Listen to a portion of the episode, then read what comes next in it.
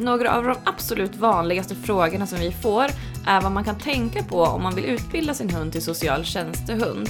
Vi får också många frågor om vad man kan tänka på om man har skaffat en valp och har en tanke om att den kan bli social tjänstehund när den blir stor. Och vad man kan tänka på om man skaffar en till hund och också vill utbilda den. Så det här tänkte vi prata om idag. Vi har också fått hjälp av en ny presentatör, nämligen Jonas Torstensson som jobbar i daglig verksamhet på Stallyckan och är beställningschef på Handgjort. Tack Jonas! Du lyssnar på Hälsans hundar. En podd om sociala tjänstehundar. Hej Sara! Hallå där! Hej, vad har du haft för dig sen sist? Eh, jag har haft eh, invigning Just här i mina nya lokaler Ja. och eh, jag har också eh, förberett för att idag om ungefär 20 minuter så kommer det en ny medarbetare hit som ska börja. Jag är jättespänd på hur det ska bli. Mm. Eh, så att eh, jag har haft eh, häcken full kan man säga. Väldigt mycket förberedelser och, och fix och tricks så att det ska bli bra helt enkelt. Åh, vad kul. Jag har varit på freestyle-kurs hela helgen för Frida Binett. Ah. Eh, Så det är alltså min hjärna, jag är jättetrött fortfarande. Men det har varit så himla kul och också väldigt inspirerande i vad gäller att skapa nya trick hos hunden. Så faktiskt väldigt kul. Ah, vad roligt! Ja. Vad kul! Ja men faktiskt. Men du, idag så tänkte vi ju prata lite om att välja hund. Eh, och man kan tänka på kring det här. Eller vad man kan träna med hunden man redan har när man vill eh, att hunden ska bli socialtjänsthund. Eh, och kanske vill göra ett lämplighetstest och sådär. För det är ju sånt som vi får väldigt mycket frågor om. Eh, vi tar ju upp lite i boken. Eh, men eh, vi kan väl prata lite om det tycker jag. Ja, alltså jag får ju, jag skojar inte om jag i alla fall minst en eller två gånger i veckan får jag mejl om vad, eh, jag, ska kö- jag, vill, jag, jag vill jobba med det här, vad ska jag köpa för hund? Eh, och framförallt är det väldigt många som undrar om det är bara speci- speciella raser som, som får gå utbildning. Ja, just det. Eh, Men det brukar jag ju då svara att eh, det är ju helt på individnivå. Så att antingen om man nu är super, super förtjust i golden retriever eller i afghanhundar för den delen. Eh, då, då är ju mitt råd att man kontaktar en uppfödare som man känner förtroende för och säger att jag vill ha en hund som eh, min, min valp ska vara, eller en omplacering för den delen, men den ska vara social, eh, tålig och liksom kan, eh, ja, miljöstabil och har en bra av och på-knapp. Men eh, om man då är intresserad av att jobba med det här och sen tänker att eh, jag ska välja ras efter vad det är för typ av jobb jag ska ha, så får man ju kanske gå åt andra hållet istället och tänka att vilken målgrupp vill jag jobba med? Eh, man kanske inte ska jobba med den absolut minsta lilla chihuahuan eller dvärgpinschen med en målgrupp som kan vara lite hårdhänta eller där, där det finns kanske en fallrisk till exempel. Att hunden skulle kunna råka hoppa ner ifrån något knä och göra illa sig eller så. Nu i och för sig då inom äldreomsorgen är det ju så också och där kan ju chihuahuor och de här mindre raserna fungera alldeles, alldeles utmärkt. Man måste ju som hundförare vara ansvarstagande också förstås. Men det är eh, väldigt mycket mer att man ska tänka på vilken typ av päls vill jag ha. Eh, vilken storlek på hunden ska det vara? Och det här skulle man ju kunna prata om i timmar egentligen. Eh, men jag eh, har ju en stor hund, en schäfer collie blandning, eh, som fäller väldigt mycket päls. Eh, vi, jag får sjukskriva honom ibland eh, i vissa liksom, tider på året där han fäller väldigt mycket för att det är inte försvarbart att ta med sig hunden in på ett äldreboende när den släpper päls eh, på kläder, på folk och sådär, utan då får man helt enkelt tänka på att det är en konsekvens egentligen, att det här är en, en hundras som har den här typen av pälskvalitet och då får man också tänka på det. Medan jag då har en, en liten hund som har en icke-fällande päls, men då landar ett enormt stort ansvar på mig som hundförare att hantera och sköta om den pälsen och det är väldigt mycket pälsvård istället. Så att Ja det är ju olika. Ja men det är många sådana detaljer att tänka på. Men sen tänker man ju också, alltså när jag väljer hund till exempel så har ju jag, eh, mina hundar är ju primärt mina hundar så att säga, som har mycket annat som jag vill göra. Just det här att jag tränar och tävlar hund och så. Så där är det ju så olika, det är ganska få människor som bara siktar in sig på att jobba som socialtjänstens Eh, utan hundarna ska ju vara familjehundar och, och passa de här personernas liv i övrigt. Och det skriver vi också om i boken, att det är väldigt viktigt att, att hitta en, en hund, vare sig det är en ras då eller om man tittar bara på individbasis, som, eh, som passar med det liv som föraren vill leva, eller som föraren lever, och att man är ärlig i det. Att, eh, jo men jag är ute och eh, bestiger berg, ja men då behöver jag en hund som vill hänga med på det till exempel. Eller jag kollar på Netflix i soffan på kvällarna för jag är trött, ja men då behöver jag en hund som trivs med det. Så där är man ju liksom först och främst, tänker jag, och sen så eh, går man ju verkligen in i de här detaljerna. Eh, och som du säger att alltså det är på individbasis, men såklart finns det ju raser som har alltså, fler individer som passar. Till exempel retrieverraserna kanske är ett säkrare kort än att skaffa en afghanhund. Ja, men så är det ju. Eh, det är ju otroligt viktigt att man tänker också på vad hunden är avlad för ursprungligen. Eh, vakthunden är ju vaktig, givetvis. Det kommer de alltid att ha med sig. De här små larmande hundarna är larmande hundar och det måste man också ha med sig i tanken när man väljer att köpa till exempel en chihuahua eller en dvärgpinscher att man måste jobba väldigt mycket med skällande och, och att man måste ta liksom försöka hitta en bra signalkontroll på det så att man också faktiskt kan avleda hunden eller hjälpa hunden att eh, är vi ute på ett boende så går det inte att skälla i tid och otid, liksom, för det fungerar inte. Men det betyder ju också att det är svårare till exempel att träna just en sån hund än en hund som Eh, som vi brukar kalla för att vissa hundraser är ju sådana willing to please, alltså hundförarhundar, som mm eh, retrieverraserna. Men sen finns det också många individer som man har avlat väldigt, väldigt starkt på arbetslusten till exempel, både hos golden retriever och labrador. Eh, och jag hade till exempel en boston terrier här förut som jag jobbade med, men som faktiskt fick avsluta sitt eh, tjänstehundsliv på grund av att eh, hennes, eh, hon var alldeles, alldeles för intensiv i sin socialitet. Eh, och om man har en hund som, som är sådär, nu ska jag försöka beskriva eh, en bild för er. Om ni tänker den här hunden som när man får ögonkontakt så börjar den att vifta på svansen så pass att den knappt kan kontrollera kroppen. För den blir så otroligt glad och är så social att den här ögonkontakten gör att hunden nästan får överslag. Eh, då hamnar man i ett, ett läge eh, där hundföraren nästan blir osams med hunden för att eh, den är så stark den här drivkraften och den här socialiteten att den, den kan vara svår att dämpa och då, då är det så att ska man då fram till en äldre person med skör hud till exempel och så har man den här hunden som har fått ögonkontakt med den här personen så hamnar man i en situation där man bara ägnar interventionen åt att dämpa den hunden. Eh, och det, eh, det är ingen rolig eh, arbetssituation utan man behöver då Antingen om man har en sån hund så behöver man i ett väldigt tidigt skede jobba med just impulskontroll och, och hjälpa hunden att klara av det. Medan vissa hundar är det här så starkt på att det, det kan bli svårt att få till en bra arbetssituation helt enkelt. Ja, utan att hunden ska tycka att det är jobbigt också, eller hela tiden bli eh, hållas, så att säga. Att man måste hålla den lite men vad ska man säga, alltså hela tiden rama in den. Ja. Att det blir tråkigt även för hunden. Det är ju framförallt hunden som ska trivas i sitt arbete. Tänker jag. Exakt, för som familjehund kan en sån hund vara alldeles, alldeles perfekt. Eller ute på ett jaktfält till exempel så är ju den energin väldigt viktig. Mm. Medan då i en sån här social situation kan det vara förödande. Man, det kan vara så att man faktiskt bränner ut hunden på kort tid på grund av att den arbetar så hårt på att hålla sina, liksom sina impulser i kontroll att den, den blir helt slut av det.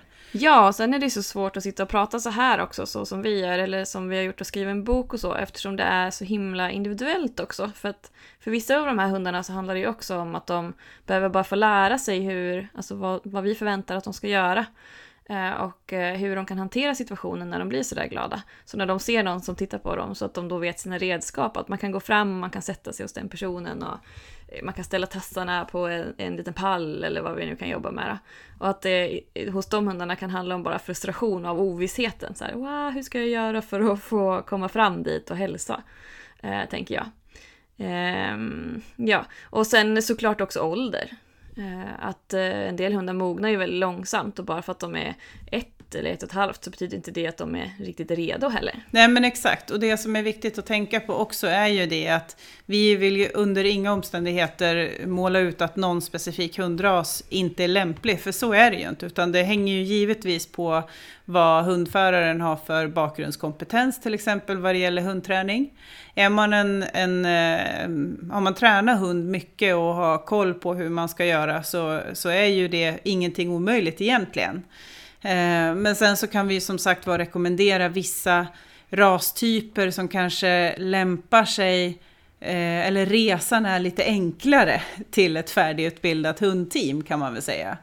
Men det är därför... Ja, eller det är större sannolikhet att hitta en individ ja, också. Som exakt. Passar. Alltså att det finns fler individer eh, jämfört med till exempel afghanhund som jag har då, där en del de ska vara lite reserverade och sådär.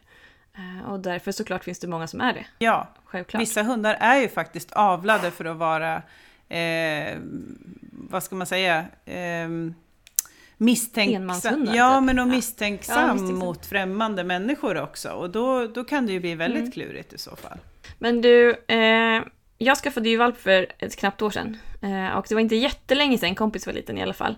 Ska vi prata lite om vad vi gör första tiden med våra, när vi fick skaffa valpar?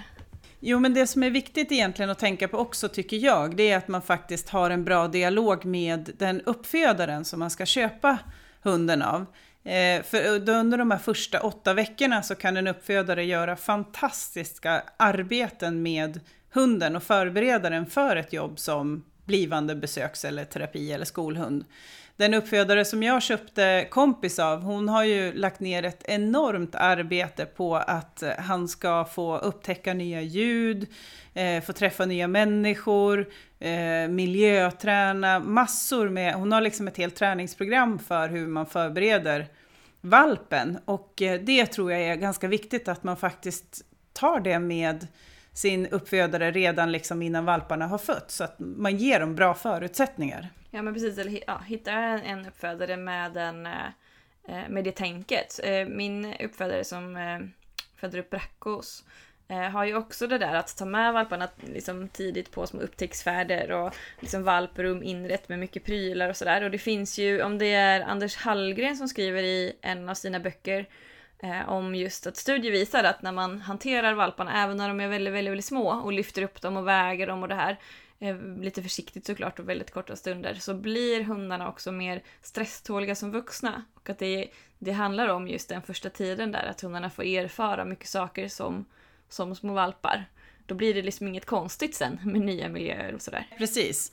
Eh, nej men så jag tror, och liksom läs på och var lite, försök att vara kunnig på hur man ska ge hunden en bra eh, tid från början så att säga. Och det är också det här, hela det här med eh, första träningen mellan vecka 8 och 12 som det här sociala fönstret är öppet. Ta an, alltså använd det och utnyttja tiden till att lägga fokus på rätt träning just när hunden är mogen för vissa olika eh, aktiviteter helt enkelt. Ja, och där är det ju mycket ett fönster för att, att lära känna nya individer och vara liksom social. Och där är det såklart en balans. Det handlar inte om att det ska stå kö med folk och hälsa på valpen, men att låta dem träffa bra människor, bra andra hundar eh, som man vet eh, behandlar valpen trevligt liksom. Så du får många bra erfarenheter den tiden. Så handlar det egentligen med allting, att goda erfarenheter gäller ju i alla lägen och har inte, om, om det inte blir en bra upplevelse för hunden så har man ju inte heller tänkt igenom träningen. Nej men precis, och sen så är det, alltså många vill komma igång så himla snabbt med eh, annan träning med valparna och jag som eh, vill tävla och tränar hundarna för sånt också, jag lär ju valparna tidigt hela det här systemet med att träna, att man kan köpa sig karameller genom att göra vissa grejer och sådär, men på ett väldigt enkelt sätt. Alltså sätter du rumpan i backen så kommer det en godis. Um, står du fint Tar man kontakt? Ja men precis, tar man kontakt, står man fint eh, och inte hoppar. Ja. Allt det här kan löna sig för valpen och sen jobbar jag ju med klickerträning från start också. Att de förstår hela den grejen och att jag börjar leka lite med free-shaping och sådär. Men det är helt kravlöst och det är verkligen lek och lättsamt. Eh, men det är liksom ingen brådska att lära in specifika grejer utan mer förstå systemet, träffa människor Precis. och vara med mycket i olika miljöer och så.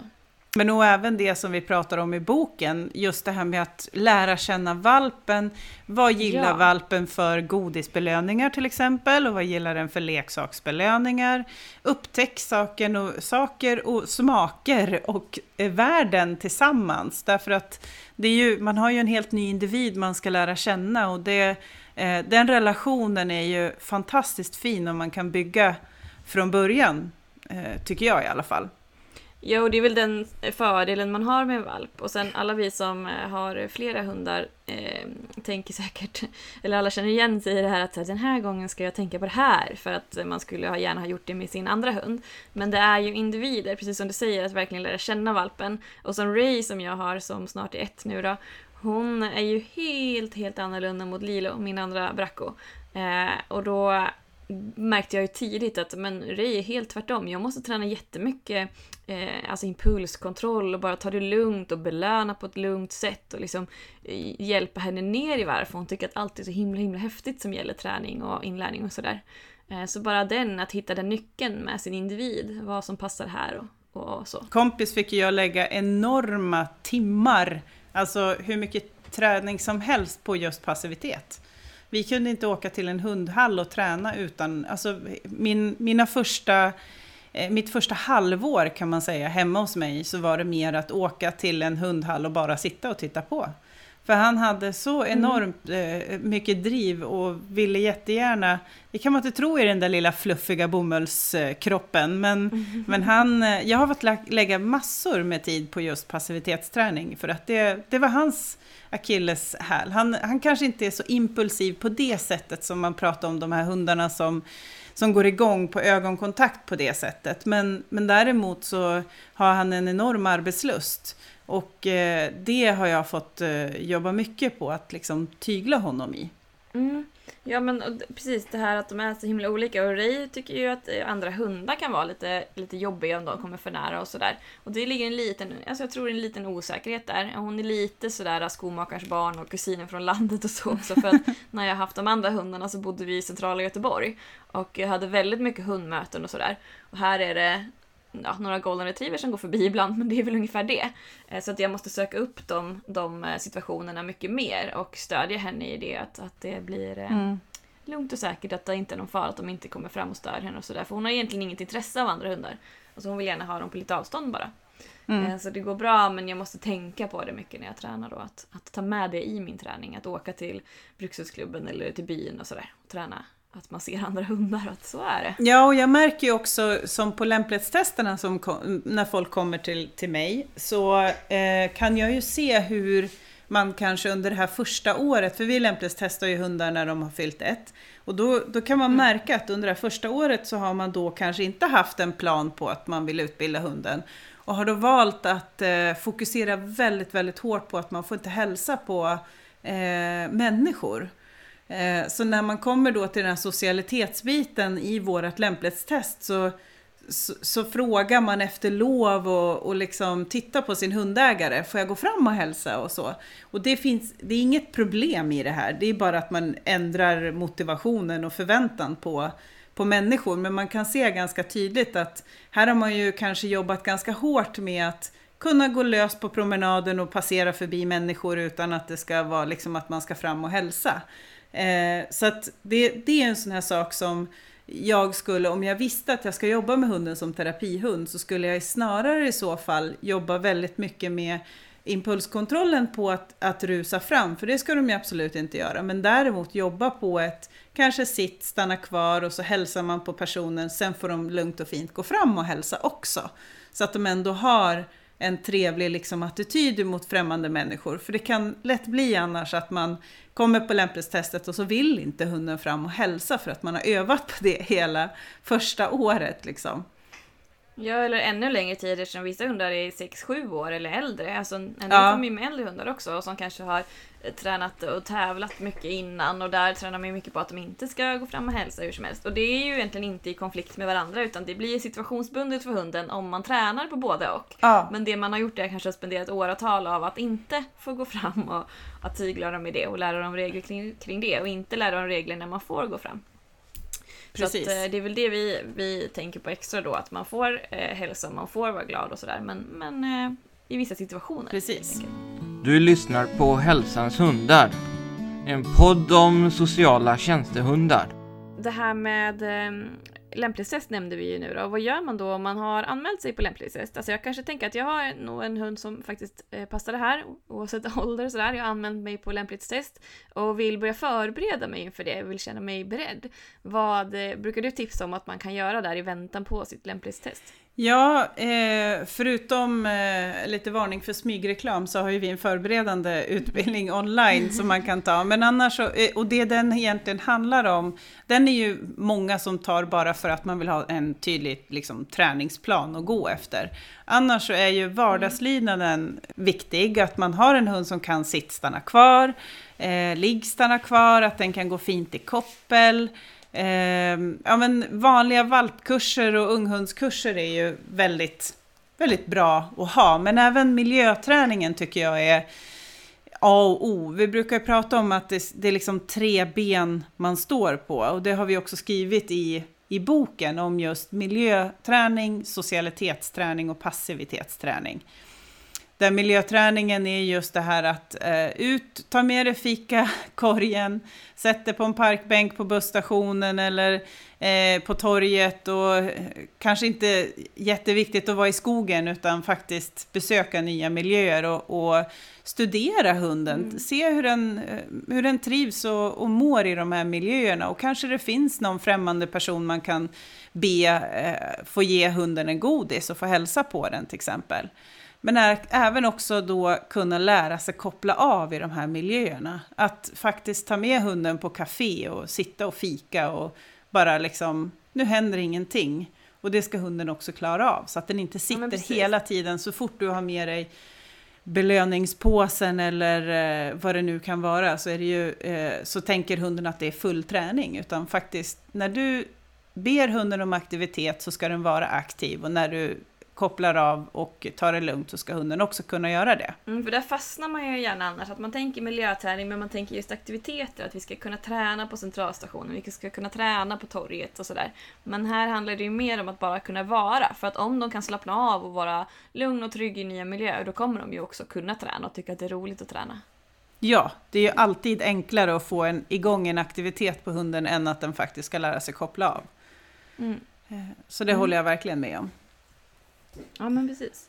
Om man nu har en, en färdigutbildad hund och ska, ska ha en, skaffa sig en till. Det brukar gå under hund, hund nummer två benämningen hos oss när man ska utbilda hund nummer två. Men är, vi har ju faktiskt flera stycken som har utbildat fler än två hundar nu. Ja, Eh, men just lite det här, eh, hur ska man tänka då? Och jag, som jag har nämnt tidigare också, har ju en stor och en liten hund till exempel. Jag tycker ju att det har varit otroligt värdefullt för mig, för de kompletterar faktiskt varandra eh, på helt olika sätt. Eh, och sen också att man faktiskt kanske inventerar den första hunden som man har, vad har den för styrkor? Och vad skulle den behöva för eh, storebrorsa eller, eller lillebrorsa eller lillasyster som faktiskt eh, kompletterar upp de andra styrkorna som den första hunden kanske inte har lika starkt så att säga. Ja men precis och då tänker man ju mycket just i arbetet för det vi, det vi pratar om här. Att vad, vad är de bra på? Vad har de för svagheter? För hundarna har ju svagheter och det som är fint i arbetet är ju att vi inte jobbar där utan vi jobbar med det som hunden har styrkor kring och uppskattar att Mm. göra. Men här har man ju då möjlighet att försöka hitta en individ som faktiskt kompletterar, precis som du säger. Mm. Eh, och så som dina hundar kompletterar varandra och så som även mina hundar kompletterar varandra. Att någon är aktiv och älskar att göra tricks och grejer och någon är mer gose, kramhund till exempel. Eh, att man funderar vad som behövs i den miljö där man arbetar. Och sen också beror det ju lite på, det kan ju vara så att man har haft ett jobb eh, och så kommer chefen och säger att jag vill att du ska jobba, du ska öka upp i timmar. Eh, och då måste man kanske på kort varsel skaffa en ny hund och träna upp. Och då kanske en vuxen individ är det som, som kan vara bästa alternativet. Så gjorde jag faktiskt med Alvin. Alvin, tror eller ej, är en Blocket-hund och eh, han blev ju helt fantastisk. Men jag köpte honom när han var två år. Eh, och då var han en, en liten luring som rymde från gården och hängde med på ridturer i grannbyn och allt möjligt sånt där. Och då, de, den familjen eh, la ut honom för omplacering för de eh, insåg att han behövde jobba lite mer än kanske bara vara gårdshund. Mm. Eh, och eh, han kom till mig då vid två års ålder och då kunde jag ju lämplighetstesta honom på en gång så att jag visste att han, han hade bra egenskaper för att påbörja utbildning på en gång. Ja, och det är väl det som är med, med vuxna hundar då, att de, det, det är ett säkrare kort. Och det kan ju låta lite som att vi bara utbildar hundar på löpande band. Det handlar fortfarande om att de ska passa in i familjen och att det, det är ju en familjehund också. Men nu är det så att vi pratar om sociala tjänstehundar eh, och då vill vi ju också kunna utbilda dem. Och med den vuxna hunden, om man tar en, en eh, tar över en vuxen hund eller en ung hund kan det ju vara också men inte en valp. Då, dels så kan vi ju redan när vi tittar på hunden lättare avgöra om den är till exempel social och uppskattar kontakt med främmande människor. Om jag klappar på den och, och glider undan lite, följer den efter och söker upp mig igen till exempel. Medan med en valp så kan det ju hända så himla mycket. Så jag kan ju välja ut om de bästa förutsättningarna, en toppenbra uppfödare, jättebra föräldrar, till hunden och sådär och sen så blir den skrämd eller blir sjuk eller vad som helst kan hända. Eh, så att det här med att ta över en, en äldre hund är ju ett säkrare kort. Och också då att man eh, bara, bara, det kan ju ta lite tid ändå, att de får landa i hemmet och sådär. Men när de har landat i hemmet och man har börjat lära känna dem, då kan man ju faktiskt, faktiskt lämplighetstesta dem och komma igång ganska så snart med eh, träning och utbildning.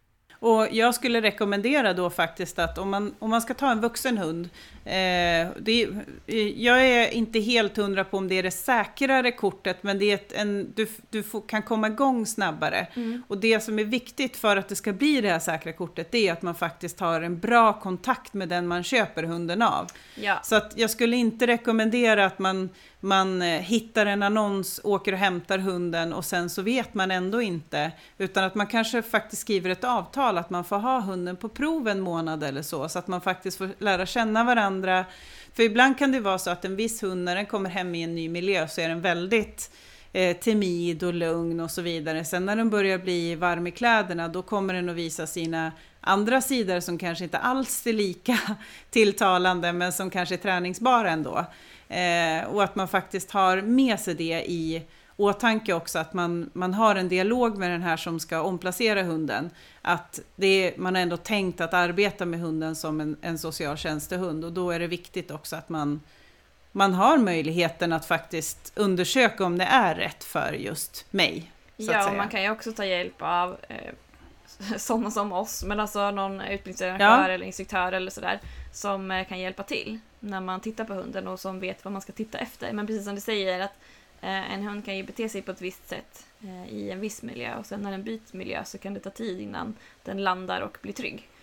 Och man precis. ser Eh, Eh, vem den är. Och det, hundar fungerar ju så att de kan ju mörka saker de tycker är jobbigt. Så precis som du säger så i, början kan de ju vara jättelugna, eller tvärtom, riva hemmet såklart. Men framförallt kan det ju vara svårighet då när man upplever hunden som väldigt lugn och sådär. Men det den egentligen gör är att den döljer vad den känner tills den litar på dig. Och när den litar på dig så kan det ju dyka upp då att nej men jag tycker faktiskt att det är jobbigt med främmande eller jag tycker att det är Precis. jobbigt med hundar eller vad det kan vara mm. som dyker upp eller som visar sig. Men, som eh, men som sagt var, ta gärna kontakt. Mm. Vi har ju, eh, det finns ju en förening till exempel man kan ringa och prata med, jag är helt övertygad mm. om att alla utbildningsarrangörer har någon form av möjlighet att kunna ge tips och råd inför införskaffandet av hund också. Så att eh, gör noggrann research i alla mm. fall. Även om du väljer att köpa en valp eller en, en vuxen så tycker jag att du ska försöka undersöka åtminstone vad som passar just dig och din familj och vart du står i livet just nu. Eh, så att det blir bra. Ja, och så just precis som du sa, det här med stor, liten, hund, päls, alltså vad, vad söker jag som kompletterar min andra hund? Um, och en del, ja, helt enkelt en likadan. Ja, är samma. Exakt. så kan det också vara. Absolut. Man gillar att ha stora hundar eller vad det är. Ja. Eh, nej men sammanfattningsvis då så handlar ju allt det här egentligen om att hitta en ras eller individ som, som passar hundföraren eh, och då ens liv i sin helhet eh, och som uppskattar socialt umgänge och trivs med att bli klappad och, och gärna söker kontakt med främlingar. Och sen så kan man träna det mesta såklart, men där har man ju någon form av grund. Och kanske det här att de också har hyfsat lätt att växla mellan passivitet och aktivitet. Det gör det Absolut. i alla fall resan lite kortare, lite enklare. Eh, men det är väl lite där som är sammanfattningen av det hela. Det tycker jag du gjorde himla bra, hörru! jag visste det. Hälsans hundars utmaning. Eh, ja, och i det här avsnittet så har vi ju en eh, ny utmaning. Ja. Och eh, jag tänkte att jag skulle få bjuda på en liten eh, rolig, eh, spännande grej. Jag har nämligen en hund, min lilla kompis här. Jag har fångat ett beteende hos honom som är skulle kunna nämna det som ett partytrick eller någonting annat, men det skapar väldigt mycket skratt i alla fall när vi tar den. Oavsett om vi är på ett äldreboende eller om vi är bland barn och ungdomar så, eh, så är, det, är det humor inblandat. Och det är nämligen så att jag har ett eh, trick som heter Hur låter moppen? Eh, och eh, då, han pratar väldigt mycket, så då låter han som en liten moppe som är ute och åker. och så när jag gasar med handen så, eh, så låter han. Så vi kommer att lägga upp ett eh, klipp på det här i, eh, på, ja, i våra sociala medier, både Insta och Facebook. Och så får ni gärna testa och träna in det här själv och tagga oss då med hälsans hundar, eller halsans hundar. Mm. Ja, och det var så roligt för första gången jag eh, såg det här tricket så hade du lagt upp det på någon Facebook eller någonting och så hade du skrivit eh, här, någonting, här är tricket, vad heter moppen? Men jag läste som vad heter moppen? Och jag förstod inte alls vad detta trick hade med mopp att göra. Tills jag eh, till slut landade på latten även hos mig och förstod att det var moped, alltså Precis. alltså moppe och inte ja. mopp. Ja, nej, men det är ett fantastiskt litet trick och eh, som man kan roa sig med och försöka få fram om man har en hund som har lätt Precis. ljud. Och om man vill kanske, i det här fallet så var det också lite för att kunna ta kontroll över det här ljudet. Vi gjorde en grej av det, men det betyder ju också att han kan inte låta i tid och otid, utan eh, det är när man, när man gasar med handen helt enkelt. Då låter man som en liten moppe. Ja, precis. Eh, nästa avsnitt då är ju eh, på ingång. Vi ska spela in det ganska så snart, har vi tänkt. Mm. Eh, och det mm. kommer att handla om arbetsmarknaden och löner. Eh, och lite annat också, bemanning och hur ska man, ska man vara anställd eller ska man vara konsult eller och vad är rimligt att ta, vad kostar det och så vidare. Så mm. Ja, det är väl det vi tänkte nörda om nästa gång. Ja, eftersom det är ett sånt högaktuellt och konstant ämne. Då har vi gäst också med oss. Ja, precis. Det är alla lyssnare höra då. Eh, men då så. Vi för den här gången. Ja, men det gör vi. Ha det så bra så länge. Ja, du med. Ha det bra. Hej då! Hej. Du lyssnar på Hälsans hundar. En podd om sociala tjänstehundar.